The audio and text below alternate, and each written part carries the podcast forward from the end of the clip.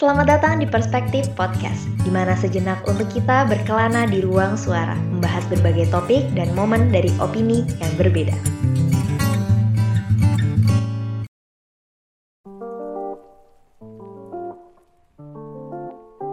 Halo semuanya, kembali lagi bersama gue Vivi Ani di ruang suara yang masih sama tentunya, kali ini gue ingin sharing mengenai pandangan seorang tokoh psikolog yang menurut gue hmm, menarik untuk dibahas karena can relate dalam keseharian kita.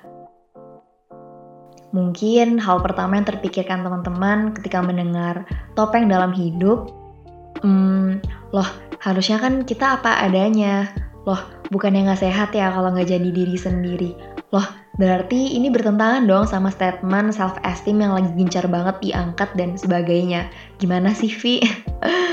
ya, sama halnya dengan gue. Ngelihatnya selintas emang cenderung kepada arah negatif ya. Tapi ternyata setelah gue sadari, topeng dalam hidup pasti diperlukan bagi manusia dalam keseharian. Mau gak mau, sadar gak sadar, kita memakai topeng. Untuk kita yang mungkin masih asing apa itu persona atau topeng, berangkat dari sejarahnya, persona berasal dari bahasa latin yang artinya topeng. Dan kata ini awalnya nggak ada sama sekali sangkut pautnya dalam dunia psikologis. Karena ya identik hanya dipakai untuk sebuah pertunjukan topeng pada masanya. Dalam perkembangannya, kata persona ini diambil jadi sebab kajian dari teori kepribadian analitik menurut Carl Gustav Jung yang mana ia membagi archetype ke dalam beberapa jenis dan salah satunya yaitu persona. Si Jung ini berpendapat bahwa manusia sedang memainkan peran yang bukan jati diri sebenarnya. Pada akhirnya, persona tersebut akan berguna untuk setiap individu supaya dapat diterima dan berinteraksi di kehidupan sosialnya. Karena ya persona ini menurutnya menjadi perwujudan diri yang ideal dalam berbagai macam kehidupan sosial. Dan selaras dengan itu, dalam filosofis Jepang juga meyakini loh adanya topeng ini dalam manusia.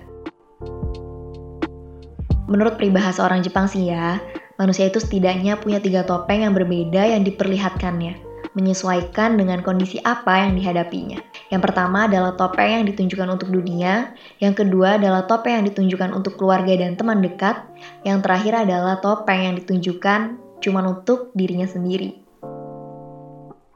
Sebentar, pasti kita jadi mikir, kira-kira gue sekarang lagi pakai topeng apa ya? ya dalam keseharian kita, mau sadar atau tidak, kita melepas topeng yang satu, pakai topeng yang lain. Di sini pakai topeng ini, di sana pakai topeng itu, dan seterusnya. Topeng di sini bukan berarti munafik atau palsu, karena secara teknis, persona itu bukan dibuat seperti itu. Jadi jangan takut, duh kok gue jadi kayak ngerasa bohong sama diri sendiri sih gitu. Padahal persona sendiri yang ada pada setiap orang itu bisa kok diinternalisasikan sebagai bentuk self awareness akan potensi diri dengan lingkungan sekitar. Jadi perlu diingat ya sekali lagi ini tentang memposisikan diri secara tepat. Misalnya, topeng yang gue tunjukkan ketika sendiri adalah penyuka keheningan dan malas bersosialisasi. Tapi ketika gue bawa topeng itu ke dalam lingkungan organisasi, gimana coba jadinya? Mungkin ya gue nggak akan berangkat rapat atau kalaupun gue berangkat acuh sama orang lain dan gak peduli sama sekitar. Dalam lain kondisi ketika dalam keluarga misalnya, yang gue bawa justru topeng mahasiswa. Tampilan fisik gue, sikap gue, dan perilaku gue ya nggak bakal nyambung.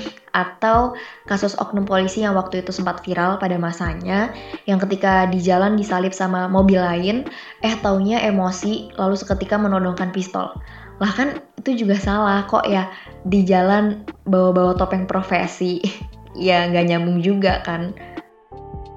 Terus gimana Vi? Jadinya kalau kita cuma pakai satu topeng doang alih-alih apa adanya? Gue pengen jadi pribadi yang apa adanya dalam berbagai situasi. Satu kata yang langsung terlintas di benak gue adalah stres. Setelah disadari, persoalan ini relate banget sama salah satu episode kehidupan gue gue dulu pernah berada di titik di mana gue merasa akumulasi kepribadian gue yang satu ini kayaknya cocok deh dan sesuai untuk gue diterima dalam segala situasi. Menurut perasaan gue loh ya, tanpa sadar gue membawa topeng itu ke dalam berbagai lingkungan. Tapi kok ya lama-lama gue kayak ngerasa capek sendiri. Capek di sini karena satu topeng itu, topeng yang gue bawa ke mana-mana ini ternyata nggak memberi cukup ruang untuk gue sendiri. Gue bingung iya, gue sedih iya, dan akhirnya apa? itu jadi tekanan buat diri sendiri gue dan karena ya salahnya gue juga sih kenapa harus kayak gitu Perkara satu topeng ini kadang juga jadi miskonsepsi dalam dunia industri hiburan. Akan jadi topik yang menarik perhatian ya tentunya ketika ada artis yang ternyata memiliki kepribadian buruk. Terus publik seolah-olah dibohongi dan jauh dari ekspektasi. Padahal kalau dipikir ulang, kenapa kita harus kaget coba? Yang namanya public figure pastinya harus menunjukkan topeng yang sesuai dong dengan standar masyarakat yang ideal seidealnya. Ya nggak? Berarti kalau ditelaah berdasar filosofis Jepang, yang dipakai adalah topeng pertama yang ditunjukkan kepada dunia. Ketika terungkap sifat yang lain, entah itu buruk atau enggak, berarti bisa jadi itu topeng lain atau topeng ya yang enggak seharusnya diketahui publik. Sesimpel itu. Atau kebalikannya, ketika seseorang banyak disukai karena ternyata baik banget dalam dunia nyata atau dunia mayanya ia punya kepribadian baik nih yang itu, yang ini, yang dan sebagainya. Sampai seolah-olah dia tuh kayak malaikat yang lagi ngambil cuti dari surga gitu kan. Ya simpelnya berarti topeng dia yang ditunjukkan pada dunia udah berhasil diinternalisasikan sebagai true self pada diri orang tersebut. Makanya menjadi penting proses identifikasi diri dan mengenal diri sebagai kunci yang harus digarisbawahi di sini. Masalahnya bukan jangan atau harus pakai topeng, karena ya pasti pakai Kayak contoh yang gue ceritain barusan, berbagai macam topeng yang kita pakai dalam hidup bisa jadi kepribadian kita yang sebenarnya kalau dilakukan secara terus-menerus dan kita yakin secara sadar kalau itu sebuah kebaikan dan layak dijadikan jati diri. Tapi, perkara persona ini juga bisa dikatakan masalah. Yaitu pertama ketika kita nggak ngelihat situasi untuk kapan pakai topeng, kapan enggak, ya sesuka hati aja gitu. Dan yang kedua, ketika udah sadar nih kalau kita perlu topeng ini, perlu topeng itu, tapi kita terlalu takut atau terlalu mikirin pendapat orang tentang topeng kita. Jadi ngebuat kita takut penilaian orang lain pada diri. Akhirnya apa? Kita nggak punya keinginan. Kita kehilangan jati diri, hidup kita terlalu sibuk karena tuntutan orang lain. Iya bener sih kita pakai topeng harus sesuai dengan lingkungan, tapi pakai topeng apa untuk situasi apa kita yang berhak menentukan, bukan orang lain. Terus solusinya apa dong? Ya keseimbangan. Yang namanya segala sesuatu yang berlebihan dan sebaliknya nggak baik bukan? Terakhir, menjadi apa adanya dalam segala kondisi dalam perspektif gua bukan pilihan yang sepenuhnya tepat. Menjadi diri sendiri tepat, tapi harus tahu diri dan paham situasi. Topeng bisa menjadi jembatan yang menghubungkan kita dengan lingkungan sekitar. Kalau apa adanya, ya kadang cocok, kadang enggak. Kadang diterima, kadang justru ditolak dengan kehidupan sosial. Selaras dengan pemikiran Jung di awal, menurutnya seseorang yang tidak memakai topeng, maka ia nggak akan bisa hidup bersama dan berdampingan dengan orang lain. Pada akhirnya, persona bukan sekedar ingin diterima atau dipandang orang lain baik, tapi berusaha untuk adil dalam bersikap.